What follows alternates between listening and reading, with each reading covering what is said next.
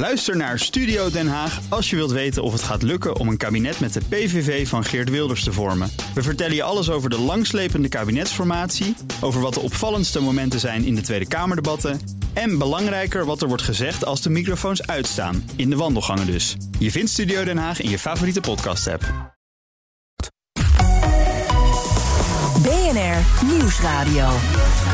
The Big Five. Art Rojakkers. Goedemorgen en fijn dat je luistert naar BNR's Big Five. Maatschappelijk verantwoord ondernemen. Bedrijven hebben er de mond van vol, maar heel vaak is het ook niet meer dan een schaamlab. Deze week onderzoeken we hoe je nou echt kunt ondernemen met impact. Hoe je als bedrijf echt het verschil kan maken. Vandaag de gast Boyan Slat, CEO van The Ocean Cleanup.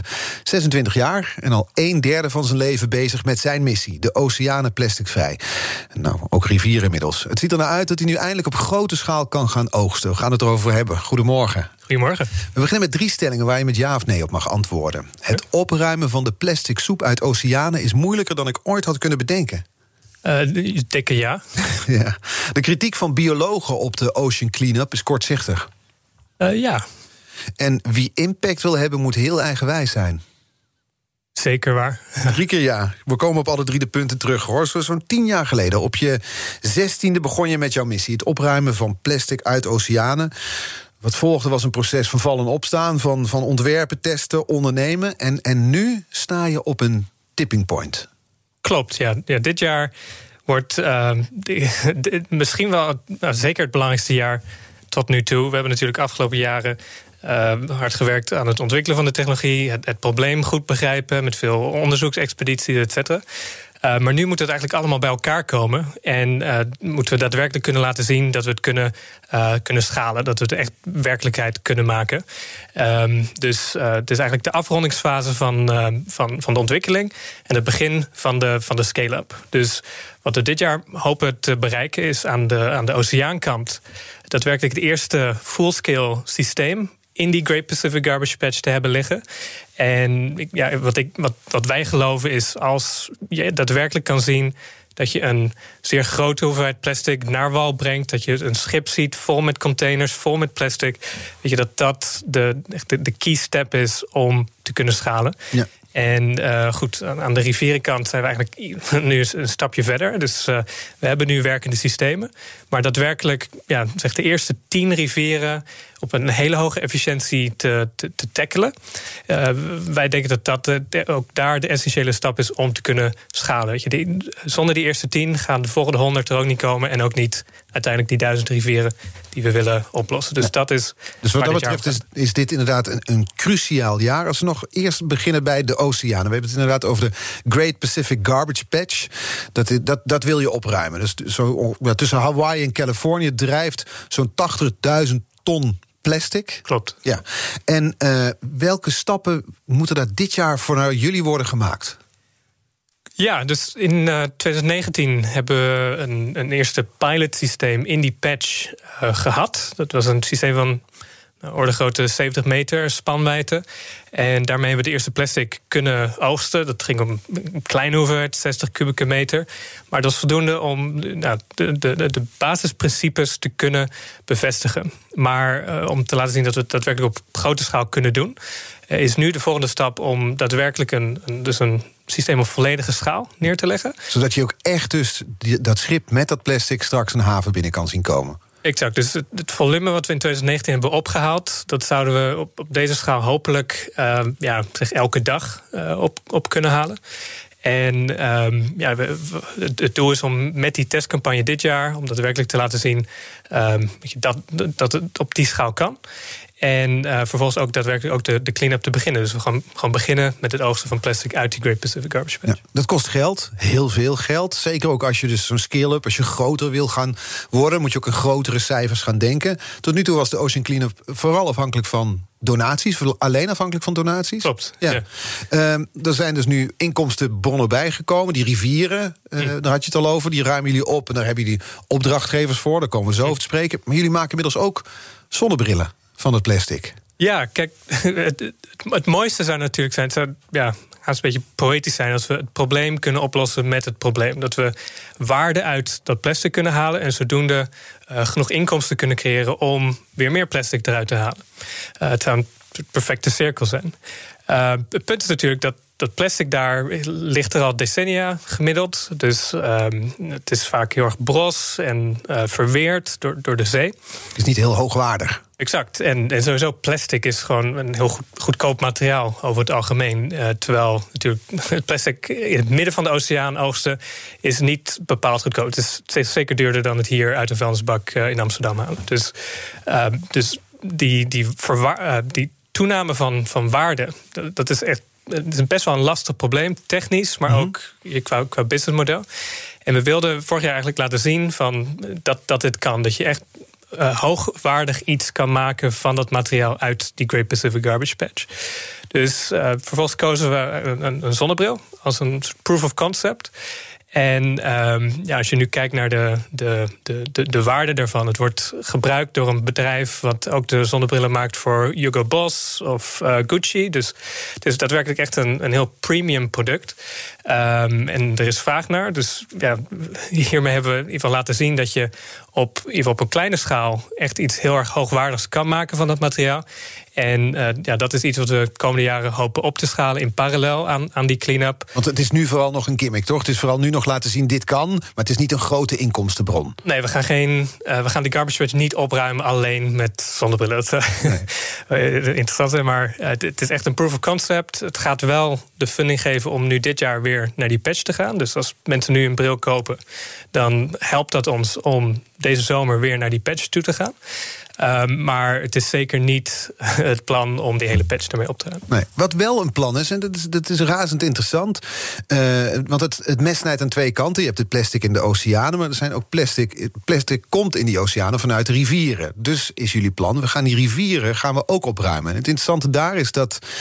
Daar heb je een eigenaar van het probleem. Exact. Daar heb je iemand die jullie moet betalen mm. om die rivieren op te ruimen. Exact. Dus ja, misschien wat achtergrond te geven over de rivierenkant van het probleem. Uiteindelijk, om, om, het probleem op te lossen, moeten we het probleem van beide kanten aanpakken. Dus weet je, de analogie wordt vaak gebruikt van een, uh, een, een, badkamer die overstroomt, met een kraan die, die kapot is.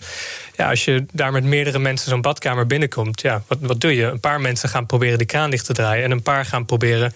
Uh, de, de grond te, te, te, dweilen.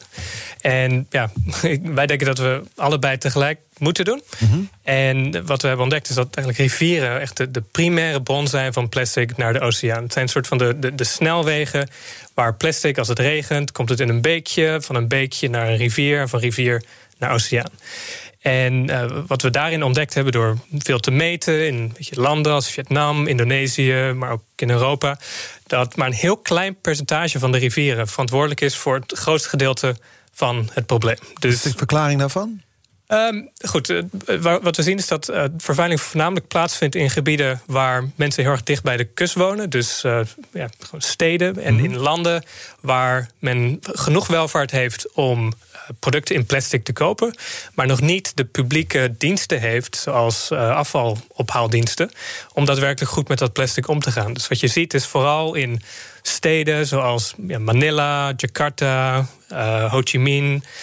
Dat soort plekken waar heel veel mensen dicht op elkaar wonen in een stad, dicht bij de oceaan waar de grootste lekkage is van het plastic. En wat we dus zien is dat maar 1% van de rivieren verantwoordelijk is voor 80% van alle plastic wat de oceaan in komt. Dus met 1% een... van de rivieren is verantwoordelijk voor 80% in de plastic in de oceanen. Ja, en dat is goed aan de ene kant een, een klein percentage natuurlijk. Is, dan denk je, als leek, dat is makkelijk op te lossen. Ja, dus aan de ene kant is het dus een klein getal. Aan de andere kant is het ook weer een groot getal. Want het is nog steeds, er zijn honderdduizend rivieren in de wereld. Dus het gaat nog steeds om duizend rivieren. En ja. goed, daar heb je natuurlijk allemaal uitdagingen als hoe doe, wat doe je met de scheepvaart? Um, wat doe je met uh, hoge stroomsnelheid, met getijden, et cetera. Dus, um, maar wat jullie daar doen, is je, je hebt iets dat heet, heeft een fantastische naam, de Interceptor. Ja. Uh, dat is, uh, die, die, die drijft dus in rivieren en scoopt daar eigenlijk, die, ja, die haalt het plastic uit de rivieren. En, en nogmaals, dat is dus dat is geen hobbyproject, nee, daar worden jullie voor betaald. Exact, dus dat is een, uh, een systeem. Het wordt aangedreven door zonne-energie. Het is autonoom. Je legt hem in de mond van de rivier. En dat vangt het plastic af voordat het in de oceaan komt. Uh, we hebben er dan nu drie van operationeel. Vietnam, of sorry, in Vietnam komt de vierde binnenkort. En um, ja, het idee is inderdaad dat je daar een probleemeigenaar hebt. En hopelijk, nou goed, op, op dit moment uh, subsidiëren we dat natuurlijk nog steeds zelf, omdat we echt de case moeten bewijzen. Maar de hoop is uiteindelijk, de komende jaar of twee, dat we genoeg pool krijgen uit die markten om daadwerkelijk daar ook uh, zeg maar, kostenneutraal die systemen te kunnen neerleggen. Het voelt als uh, alsof je, je was natuurlijk um, aan het pionieren, maar het voelt alsof dit jaar, of, alsof dit een sleuteljaar is op vele vlakken. Dat dit misschien wel het spannendste jaar wordt van je project tot nu toe. Ja, dat, zo zou ik het wel durven zeggen, ja. The Big Five. BNR Nieuwsradio. Art Rojakkers. Deze week vijf kopstukken uit de wereld van het ondernemen met impact. Zo sprak ik maandag met Willemijn Verloop van Social Enterprise NL. Gisteren met Maurits Groen. Die gesprekken die zijn terug te luisteren in de BNR-app. Doe dat ook vooral, want het waren mooie gesprekken over hoe je impact kan maken als ondernemer. Nou, iemand die er ook veel van weet is Boyan Slat, CEO van de Ocean Cleanup. Ben, jij eigenlijk ondernemer, Boyan? Uh, niet uh, vrijwillig. uh, goed, uiteindelijk als je een probleem wil oplossen, dan moet je veel dingen doen. en uiteindelijk krijg je dan een soort label van, van ondernemer. Maar uiteindelijk, ja, waar mijn passie ligt en wat ja, ik gewoon day-to-day vooral doe, is, is problemen oplossen. Dus uh, je nadenken over ja, een, een issue en vervolgens kijken van hoe verbinden we bepaalde dingen om, om, om dat te kunnen oplossen. En ja, uiteindelijk, je, soms, soms hoor je wel mensen zeggen van, weet je, ik wil later ondernemer worden of zo. En de, de, de werkelijkheid is, niemand wil ondernemer worden. Als je dat wil, dan, dan snap je denk ik niet goed wat, wat het inhoudt. Want weet je, feitelijk, je, als ondernemer, je wordt constant. Um, uh, heb je mensen die zeggen dat, dat het onzin is wat je doet, of uh, weet je, dat het niet kan. Um, je, goed, het is 24-7. Uh, werk je feitelijk dag en nacht. Als je wakker wordt, merk je ook dat je gewoon nog steeds door aan het gaan bent met, uh, met problemen oplossen. Um, het is niet goed voor je sociale leven. Uh, al heel lang geleden moeten passeren. Dus ja, het is, in ieder geval een, het is niet iets rationeels om te doen. Het klinkt als een leidensweg als je het zo omschrijft. Ja, goed. De enige manier of de enige reden om het te doen is als je een bepaald probleem of een bepaalde passie hebt die, ja, die, uh, die je groter acht dan, dan al, die, al die nadelen. Ja. Um, maar ja, in principe. uh, gewoon een 9-to-5 job gewoon is overzichtelijker. Ja, absoluut. Maar ja, ik, eerlijk gezegd, ik zou daar ook niet uh, heel gelukkig voor worden, denk ik. Nee. Maar je, het, maar je, doet, je, je, je schildert een bestaan dat helemaal in het teken staat van dat ene doel. En dat is dus niet dat, dat ondernemen, nee, het is die, die plastic opruimen. Dat is het. Exact. En daar, om dat te bereiken ben je nou eenmaal ondernemer geworden. Zeker, ja. Nee, weet je, als het, uh, als het op een andere manier zou kunnen, zou ik dat graag doen. Maar weet je, uiteindelijk, ja, je hebt toch een, een team nodig, een organisatie. Um, uh, goed, het is een ja, uiteindelijk, je, je, hebt natuurlijk, als je naar de geschiedenis kijkt, je hebt genoeg mensen die zeggen van puur een idee hebben, dat is voldoende. En dat mhm. noemen we dan uitvinders. Dus, uh, um, en dat is natuurlijk het, het leukste deel uiteindelijk, de, de, de, het, het, nadenken, de ideeën. Maar uiteindelijk, ja, ik, ik wil niet alleen leuke ideeën bedenken, ik wil ook zeker weten dat ze gaan gebeuren. En ja, dan de, de beroemde uitspraak volgens mij van Edison... Van dat, uh, dat 1% inspiration, 99% perspiration... Uh, dan, dan is die, uh, die, die uitspraak redelijk uh, toepasselijk, denk ik. Ja, die klopt ook wel op jouw bestaan dus. Ja, uiteindelijk. En goed, uiteindelijk om echt technologieën te ontwikkelen ik denk dat de fase van een idee zwaar overschat is uiteindelijk. Dus um, de, de echte innovatie, de echte ontwikkeling gebeurt door, door trial and error. Door dingen te doen, te proberen, aan te passen, te leren. En uh, ja, dat doe je niet alleen in een, in een zolderkamer. Dat, dat doe je in een door, team. Ik zou door een team, met een team, met het echte probleem in het veld, daar, daar innoveer Ja. Wat ik me wel afvraag is, want je, je bent 26, dit probleem is iets wat niet morgen is opgelost. Dus dit, hm. dit zou zomaar je hele werkzame leven kunnen kosten, misschien nog wel meer. Hm. Um, En dat is natuurlijk, het, is, het verhaal is bekend. Het begon toen jij, jij ging duiken in als Griekenland als jonge jongen. Je zag daar uh, heel veel plastic en dacht toen: hier, hier moet iets aan gebeuren. Wat ik me afvroeg is: stel jij was toen niet gaan duiken, maar je was iets anders gaan doen. Wat had je dan met je leven gedaan? um, ik, ik, heb altijd wel. Uh, ik ben, goed, ik, mijn hele jeugd ben ik eigenlijk al gepassioneerd geweest over technologie. Dus um, toen ik twee was, bedacht ik: ik wil mijn eigen stoel bouwen. Omdat ik het leuker vond om mijn eigen stoel te hebben dan eentje die je in de winkel kon kopen. Uiteindelijk ging, die, ging dat door naar computers bouwen, um, explosieve uh, raketten. En toen ik. Bedenken of bouwen? Uh, bouwen. Dus dat, dat, is een fase die mijn ouders heel erg uh, leuk vonden. Die zo uh, graag willen vergeten? ja, er zijn fases geweest dat, uh, dat het huis af en toe gewoon vol met rook stond. Omdat ik iets aan het indampen was op een fornuis. Maar, um, en toen ik 12, 13 was, bedacht ik dat het leuk zou zijn om 213 kleine modelraketten tegelijk te lanceren. Dus oh. heb ik met de TU Delft groep vrijwilligers gevonden en uiteindelijk dat er een Guinness World Record daarmee gezet. Dus ik heb altijd wel ja, redelijk aparte interesses gehad, wellicht. Uh -huh. En je, als ik ergens interesse in heb, dan is dat alles voor mij. Um, ja, dus Goed, wat was het anders? Nou, ja. de, de, vraag was: stel je was niet gaan duiken. Je hebt je nu je hebt je dit probleem. Uh, daar, daar besteed je nu je werkzame leven, nou je hele leven aan. Je beschreef net hoe, hoe dat leven eruit ziet. Geen vrije ja. tijd. Je staat ermee op, je gaat ermee naar bed. En dat begon dus met dat duiken in Griekenland waar je dat plastic zag. Ik dacht, ja, hm. iemand die zoveel, zoals mijn oma zou zeggen, zoveel verstand in zijn kop heeft. Die, die, jij zou ook tien andere problemen uh, hebben kunnen uh, vastpakken om op te lossen. Ja, zeker. Dus, natuurlijk, het is een beetje uiteindelijk een toevallige samenloop van omstandigheden. Wellicht een even interessante vraag zou zijn als ik het niet had gedaan, niet die duiktrip had gedaan, was iemand anders nu uh, de garbage patch opgaan. Dus, je dat... Zijn er andere problemen als jij naar de wereld kijkt waar je handen bij jeuken? Waarvan je oh. denkt, nou die had ik aangepakt als ik niet in die ocean cleanup zat? Constant. Ik heb een, een, een boekje naast mijn bed met, met ja, meer ideeën dan dat ik absoluut tijd in mijn leven zal hebben. Dus dat, ja, daar... noem, er, noem er eens één waarvan je denkt, ja, dat, dat, daar had ik me dus ook nog op kunnen storten. Als, het niet, als niet dit me was gebeurd.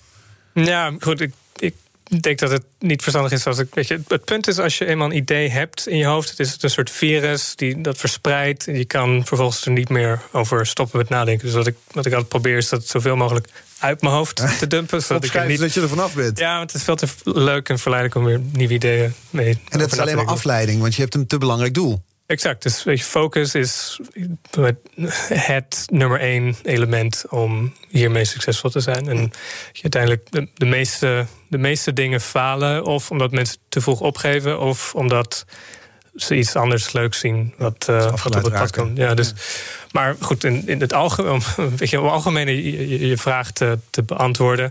Je, wat, wat ik zie is dat deze eeuw een, een, een hele interessante eeuw wordt. Niet alleen goed voor de mensen die nu leven, maar echt op uh, maar, kosmisch perspectief. Dus uiteindelijk, als je, als je kijkt in de geschiedenis van de mensheid, uh, voor honderdduizenden jaren gebeurde er eigenlijk heel weinig. En uh, nou goed, sinds de Agricultural Revolution, 10.000 jaar geleden, Um, hebben zijn we begonnen met um, de, de, de macht van ons mensen te, ja, exponentieel te laten toenemen. Met als uh, ja, summum, denk ik, de, de afgelopen paar honderd jaar. Waar we door effectief te kunnen samenwerken. Ja, door landbouw te bedrijven. Ja, en, en dus door ook met, door fossiele brandstoffen om ook uh, eigenlijk energie uit het verleden uh, mm -hmm. te, te, lenen. Um, hebben we, uh, en, en dus door, door technologie, hebben we ontzettend veel power vergaard. Mm -hmm. En ja, waar mijn zorg zit, is dat we um, dat die. Um, ja, dat het heeft een hele positieve kant gehad. Hè. Dus uh, ik, ik, denk dat het absoluut de, de, beste tijd is nu om te leven in, in anytime in de geschiedenis van de mensheid. Dus mm -hmm. qua welvaart, uh, educatie, uh, gezondheid. Et het is echt absoluut. Um, je, mensen doen vaak 2021 was het slechtste jaar, of 2020 was het slechtste jaar ooit. Dat is totale onzin. Het is alsnog een fantastische tijd uh, om, om, om te leven. Maar dat heeft wel een aantal negatieve bijeffecten gehad. Mhm. Dus waar je die, al die positieve trends ziet op de gebieden, ook, geweld, et cetera, welvaart, et cetera, waar je nu die, die positieve trends uh, ziet. Dezelfde exponentiële, exponentiële trends zie je op uh, weet je, het gebied van het milieu. Als het gaat om dus plastic in de oceaan of weet je, CO2 in de atmosfeer, um, weet je, biodiversiteit. En uiteindelijk is denk ik de, de uitdaging om die twee trends te, te ontkoppelen. Om te zorgen dat eh, de, mensheid nog steeds kan blijven groeien. Dat de welvaart kan blijven toenemen. Dat ehm, we een toekomst hebben waar we echt enthousiast van kunnen worden. Mhm. Maar tegelijkertijd ook die negatieve bijeffecten te kunnen managen. Um, en te, ja, dus te zorgen dat we, we, we can have the we can eat the cake and have it too. Dus dat we um, ja, daadwerkelijk uh, voortgang kunnen maken zonder dat we het risico lopen dat die negatieve trends ons uiteindelijk inhalen. Ja. En dat is, dat is dus waar jij mee bezig bent, heel praktisch gezien met de Ocean Cleanup. Eigenlijk met, mm. een, soort, ja, met, een, met een oplossing, een technische oplossing, een technologische oplossing voor een bestaand probleem. Zonder dat we die, die, die welvaart die we opgebouwd hebben en de vooruitgang die we geboekt hebben, dat we die hoeven op te geven. Ja. Want er zijn mensen die zeggen: ja, we moeten gewoon vooral zorgen dat die plastic niet in de oceaan komt. Eigenlijk wat, wat Boyan doet, het opruimen, faciliteert het probleem. Ja, goed. Eh, over de preventie is ik, eh, ja, goed, kunnen we even induiken. Want uiteindelijk ja, is het natuurlijk waar. We moeten die kraan ook dichtdraaien. Uiteindelijk met rivieren proberen we dat te doen. Ehm, ja, dan kun je natuurlijk nog een argument maken van... Je moet eigenlijk zorgen dat het überhaupt niet in die rivier komt. Uiteindelijk moet dat inderdaad. Ik denk dat dat uiteindelijk ook gaat gebeuren. Door verbeterde infrastructuur, door alternatieven voor plastic. Overigens ook technologische oplossingen natuurlijk. Maar gezien de schaal daarvan zo globaal en zo groot is, uh, duurt dat per definitie een, een, redelijke tijd. Dat gaat decennia duren.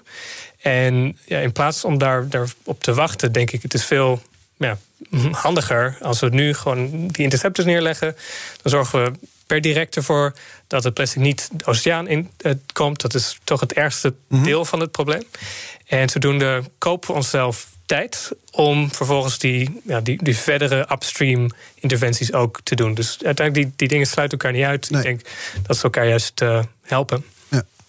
Had jij ook bij ASML kunnen werken? Ja, um, um, dat is een slimme kop die daar gaat zitten tussen andere slimme koppen. Ja, goed. Ik ben, ik ben dus ooit uh, lucht- en ruimtevaarttechniek ja. uh, begonnen met studeren en toen uh, gestopt voor de, voor de Ocean Cleanup. Um, ja, ik, ik, ik, echt een. Um, goed, gezien we dus in zo'n belangrijke eeuw leven, iets met uh, het adresseren van dat existentiële risico, uh, is toch wel iets wat ik ja, al, lang over nadenk en je, dit als een soort van subonderdeel daarvan zie. Mm Um, dus ja, ik weet gewoon een. Het zou wat willekeurig zijn, eigenlijk. Ja. als je dan daar zou werken terwijl we in zo'n belangrijke eeuw op zo'n belangrijk moment zitten, bedoel je te zeggen? Ja, we, hebben nu de kans om daar iets aan te doen, denk ik. Dus um, ja, dan gebruik ik graag mijn, mijn skills in, in uh, dienst van, van dat doel. We gaan zo verder praten. Dan wil ik heel graag van je weten wat jouw hoop geeft, ondanks alle moeilijkheden die we in deze eeuw en in de wereld op ons af zien komen. Tot zo. Nieuwsradio. The Big Five. Art Rojakkers welkom bij het tweede half uur van BNR's Big Five. Deze week vijf kopstukken uit de wereld van het ondernemen met impact. En vandaag is dat Boyan Slat, CEO van de Ocean Cleanup. En we hadden het uh, zojuist al over of je dat plastic... of je het nou niet bij de bron ook zou moeten aanpassen. Pakken, excuus. En uh, in dit programma stellen onze gasten stellen elkaar kettingvragen. Gisteren was hij Maurits Groen, de man van Wakka Wakka, een kipster. En hij had deze vraag voor jou, die sluit, daar, uh, die sluit daarop aan. Waar ik heel benieuwd naar ben, is zo'n onderneming opzet is een mega-operatie. Daar ben je wij spreken 24 uur per dag mee bezig. Maar om dat te verbinden, zijn naam, zijn reputatie, zijn bekendheid, zijn entree inmiddels bij overal, om dat te verbinden aan het dichtdraaien van de kraan. Dus om ervoor te zorgen dat uh, nou ja, er veel minder plastic in, uh, in de oceaan überhaupt terechtkomt. Nou, hadden we het al over. Je doet het natuurlijk met de interceptor die dus in rivieren ligt. Maar wat, wat Maurits Groen volgens mij bedoelt is... Hoe, zou jij niet kunnen, ervoor kunnen zorgen of iets kunnen bedenken... door we minder plastic gaan gebruiken? Ja, kijk, dus... goed, net een deel van het antwoord gegeven... maar misschien om toe te lichten met een, uh, met een anekdote. Ik was uh, eind 2019 toen nog konden reizen, was ik op bezoek in, in Azië. Paar meetings met ministers, maar ook om die interceptors in werkelijkheid te zien. En we waren in de rivier Klang. Dat is een rivier die gaat door Kuala Lumpur. Een van de meest vervuilde rivieren ter wereld. Daar, daar ligt een interceptor. En ik, ik stond erop en ik, ik, keek naar de, de bovenstroomse kant. En ik zag zo'n mooie sliert plastic nou, tegen die barrière aankomen in de interceptor op de conveyorbelt en in, in de bakken. En volgens dacht ik, er wonen nou, orde grote 10, 15 miljoen mensen in dat bovenstroomse gebied van deze rivier. Hoeveel moeite kost het om al deze mensen of nou wat sommige mensen uh, dan opvoeden noemen, of de, de mm -hmm. bewust maken van, van het probleem. Je, hoeveel moeite kost het om een, een afvalinfrastructuur in zo'n gigantisch gebied van honderden vierkante kilometers op orde te krijgen? Je, hoeveel moeite kost het om um, daadwerkelijk plastic uh, te, te, te, verbannen of te ver, uh, vervangen door andere materialen? En hoeveel ja, relatief weinig moeite heeft het gekost om weet je, met een club van een paar man hier een, uh, een interceptor neer te leggen. En gewoon te zorgen dat al die vervuiling van, van dat gebied wat uiteindelijk de oceaan zou bereiken, de oceaan niet bereikt. Dat is natuurlijk veel sneller, makkelijker, uh, goedkoper. Dus uiteindelijk, weet je, het is geen, nogmaals, het is geen vervanging. Mm -hmm. Dat pretenderen we ook niet. Het is, uiteindelijk moeten we die bovenstrooms echt meer structurele ja. oplossingen ook doen. Maar ten eerste hoeft de Ocean Cleanup niet alles zelf te doen. en uh, soms wel mensen suggereren. Um, en uh, ja, ten tweede, ik denk dat we. Je bent, een, je bent een. Sorry dat ik je onderbreek. Maar ja. je bent, het zou makkelijk zijn om je als idealist te zien. Zo'n jongen die plastic uit de oceanen wil vissen. Maar je bent ook een realist. Je zegt eigenlijk, ja, je gaat niet die 10, 15 miljoen mensen op korte termijn zo veranderen. Dan kun je beter maar praktisch zo'n oplossing daar neerleggen als een intercept. Ja, misschien het woord pragmatist is denk ik uh, hier relevant voor uiteindelijk. Hoe zorgen we voor de grootste reductie van plastic wat in de oceaan komt per dollar spend? En uiteindelijk ja, geloven wij dat dat met die interceptors nu is. En uiteindelijk krijg je daar natuurlijk ook een soort um, ja, een, een cost curve die een beetje uh, afvlakt. Hè. Dus op een bepaald moment krijg je daar een saturatie. En dan is misschien weer een, een volgende oplossing weer de, de, beste actie. Maar weet je, pragmatisch zijn. Uiteindelijk niet proberen. Weet je, mensen hebben het vaak over de root cause. Uiteindelijk je, is er geen root cause voor problemen. Het is altijd een combinatie van dingen. Weet je, vaak wordt gezegd, weet je, ja, mensen zijn het probleem, of kapitalisme is het probleem, of weet je, plastic is het probleem, of het infrastructuur is het probleem. Weet je, al deze dingen samen vormen het probleem. Het is niet één hoofdreden, geen één root cause, maar het is, het is die combinatie van factoren. Exact. Ja, nou, nou zei je, ik stond daar met Kuala Lumpur, ik had afspraken met ministers, want op dat niveau zit je inmiddels. Wij hebben onze eigen Frans Timmermans, vicevoorzitter ja, ja. van de Europese Commissie, man van de Green Deal. Een van de luisteraars van dit programma zei: Heb jij hem wel eens aan zijn, uh, aan zijn jasje getrokken? Die vraag kwam binnen. Volgens mij staat het ook in uh, VPRO tegenlicht. Dat, uh, toen ze me volgden en toen, toen waren we op bezoek bij, bij Timmermans. Precies. En uh, ja, hij, heeft, hij is echt ja, een soort voorvechter mm -hmm. geweest van plastic op de agenda van de EU. En er is nu ook een soort plastic ban, wordt het dan genoemd. Dus ver, verbieden van plastic.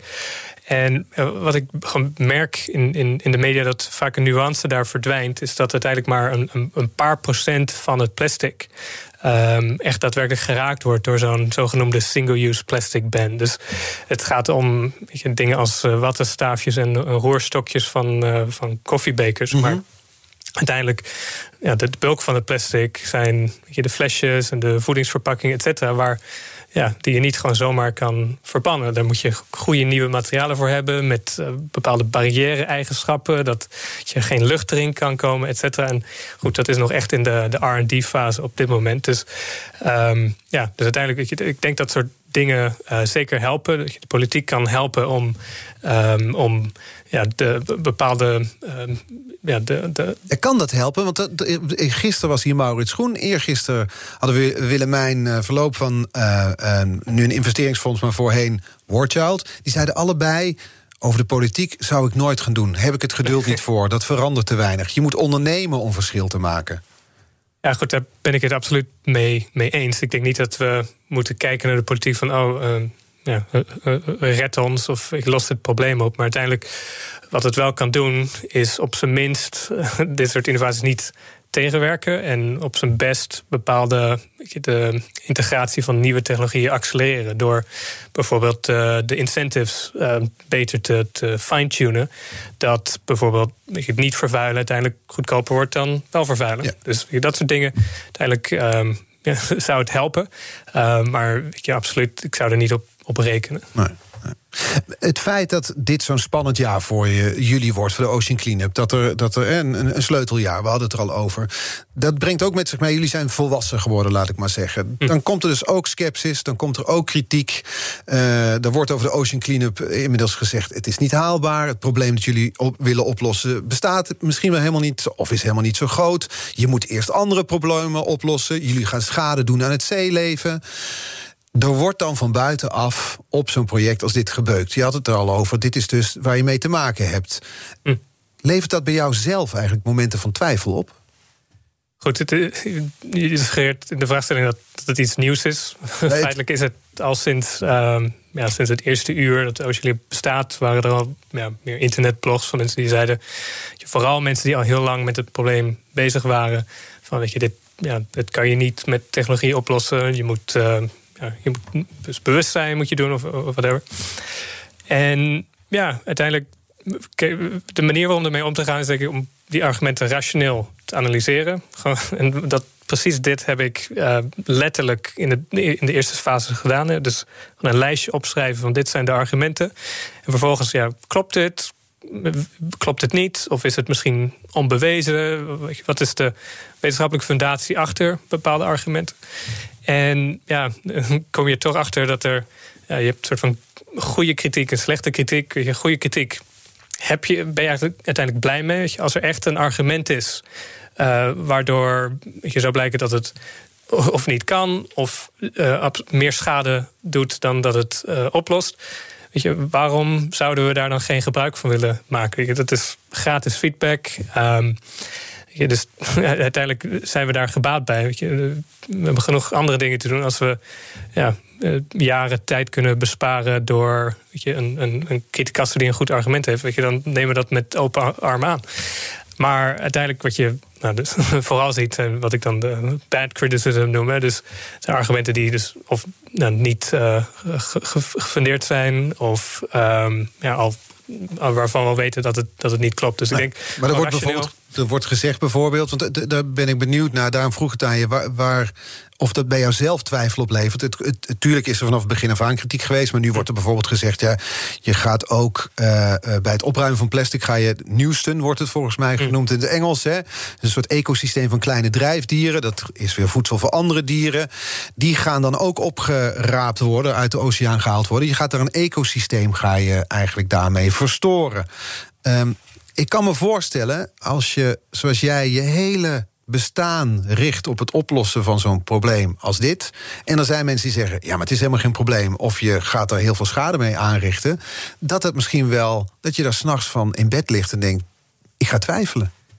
Nou, niet als je kijkt naar de, de data en ja, geen reden ziet tot twijfel. Uiteindelijk, je twijfelt, er is niks mis mee. Als er daadwerkelijk een, een reden is om twijfel te hebben, dan, dan is dat denk ik gewoon eh, positief. Hè? Maar uiteindelijk, de, als je kijkt naar data, als ik inhoudelijk kan, kan reageren op, uiteindelijk je niks heeft geen uh, negatieve bijeffecten. Weet je, stel, je, je zelfs een, een onderzoeksschip, wat van een van de criticasters die de zee op gaat. Zelfs dat doet uiteindelijk schade. Door um, ja, ook inderdaad de, de nieuwste aan te raken. zijn hele fragiele mm kwalletjes eigenlijk aan het oppervlak te leven. Dus uh, uiteindelijk een, een poeggolf van een schip verstoort dat ook. Um, je hebt um, je, goed, zelfs al je zet je ik veel, um, zonnepanelen op een, uh, op een stuk grond. Uiteindelijk verstoor je daar ook um, ja, de, de lokale insecten mee. Dus je niks heeft Geen nul impact. impact. Uiteindelijk moet je kijken niet naar. De vraag is niet: is er nul impact? Dit heeft zeker impact. De vraag is: hoe verhoudt de negatieve impact ten opzichte van de positieve impact? Mm En ja, goed, dit is een, een actief vraagstuk. We doen er onderzoek naar. Um, wij hebben in 2019 zelf expedities gedaan om daadwerkelijk die concentraties van de nieuwsten te meten. Omdat uh, we, we zagen, er worden argumenten gemaakt, maar niet op basis van enige data van hoeveel, wat is die populatie, waar bevinden die organismen zich. Dus uh, goed, dat wordt dit jaar gepubliceerd. En wat we eigenlijk zien is dat er geen correlatie is tussen waar het plastic zit en waar die nieuwsten zit. Dus we zien zelfs voor sommige organismen een tegengestelde correlatie. Dat we zien hoe hoger de concentratie plastic is, hoe lager de concentratie nieuwsten is. Dus uiteindelijk, weet je, dat komt weer terug op, zeg maar, op een rationele manier met die, die feedback omgaan. Dit is een argument uh, wat we zagen dat is ongefundeerd, maar wel een belangrijke vraag. Want weet je, als dat daadwerkelijk zo zou zijn, zouden we er iets mee, mee willen doen. Dus uh, ja, wat we dan doen is het zelf onderzoeken en uh, tot een conclusie komen. Ik ben benieuwd. Tot zo, Ivan. 11 uur. Nieuwsradio. The Big Five. Art Rojakkers. Hey, luister naar BNR's Big Five van het ondernemen met impact. Vandaag de gast Boyan Slat, CEO van The Ocean Cleanup. We moeten het er toch ook even over corona hebben, Boyan. Want hm. dat wordt dan gezegd, dit is het perfecte moment voor verandering. Dit gaat, dit gaat nou ja, ons veranderen als mensheid. We gaan ons gedrag misschien wel veranderen. Mm. Uh, denk jij dat ook? Of denk je dat we weer terugvallen in oude patronen? Mm, ja, ik ben meer van dat laatste kamp uiteindelijk. Je, je, zag vorig jaar maart zag je veel optimisme ook op Twitter van je foto's van schone kanalen in Venetië en kaarten van. Allemaal nep te zijn, hè? Die vissen die, die ja, ja. ja. ook dat. Maar ook de, ja, de, wat niet nep was, was natuurlijk de gereduceerde luchtvervuiling in, mhm. in China bijvoorbeeld. En wat je gewoon ziet, is zodra het land weer open gaat, ja, gaat het gewoon even hard door. En uiteindelijk, ik denk dat corona qua duurzaamheid meer schade doet dan, uh, dan, dan goed. Omdat je uiteindelijk, om daadwerkelijk structureel dingen te veranderen, hebben we schonere technologieën nodig. En um, om die te ontwikkelen is er geld nodig. Dus uiteindelijk ja, is het belangrijk dat we denk ik een, een gezonde economie hebben. Om daadwerkelijk ook naar uh, een, een sustainable wereld te gaan. Uiteindelijk... Maar dat is interessant wat je zegt. Want je zegt we hebben een, we hebben een economie, we hebben dat nodig om die technologie eigenlijk mogelijk te kunnen maken. Ja, Terwijl er ook mensen zijn, weet ik het, Greta Thunberg, mm. maar, die zegt: nou, we moeten juist stoppen met die constante hang naar groei. We moeten stoppen met vliegen, stoppen met consumeren. Dat is de enige manier om die, het probleem van klimaatverandering dat op ons afkomt tegen te gaan. Ja, ik denk dat we daar denk van, van mening verschillen. Uiteindelijk, ik geloof in iets als de menselijke natuur. Uiteindelijk hebben we bepaalde fundamentele behoeftes in, in onze genen, geprogrammeerd in, in ons brein. En um, ja, uiteindelijk is het daar heel moeilijk dat, dat, dat te veranderen. Je, mensen willen straks weer gaan reizen. Mensen hebben het constant over dat ze eh, vakantie zo, zo erg missen. Uiteindelijk, ik, ik, denk niet dat we dat, ja, dat een beetje vechten tegen de bierkaai is als je tegen de menselijke natuur probeert te, te, te vechten.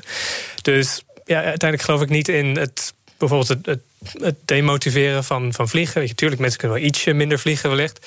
Maar wat echt het fundamentele probleem oplost... en we moeten niet vervuiling 5% reduceren... we moeten uiteindelijk naar 100% reductie. Uh, dat doe je niet door uh, ja, mensen te pesten omdat ze op vakantie gaan. Uh, dat doe je door uh, vliegtuigen te ontwikkelen... die geen vervuiling uh, geven. Weet je, en hetzelfde kan je voor, voor vlees zeggen. Weet je, uiteindelijk um, gaan we niet iedereen we, ja, we proberen te overtuigen dat ze vrijwillig geen vlees moeten eten. Maar moeten we producten ontwikkelen die beter zijn, die misschien ook beter smaken dan wat er nu bestaat, mhm. maar niet die negatieve bijeffecten heeft. Weet je, elektrische auto's, een ander voorbeeld. Dus uiteindelijk gaat het om, denk ik, eh, de, de wereld zo ontwerpen dat het uh, voldoet aan de, zeg maar, de, de selfish uh, vereisten van, van mensen, maar ook voldoet aan uiteindelijk het, het niet verzieken van, van, van de wereld. Ja.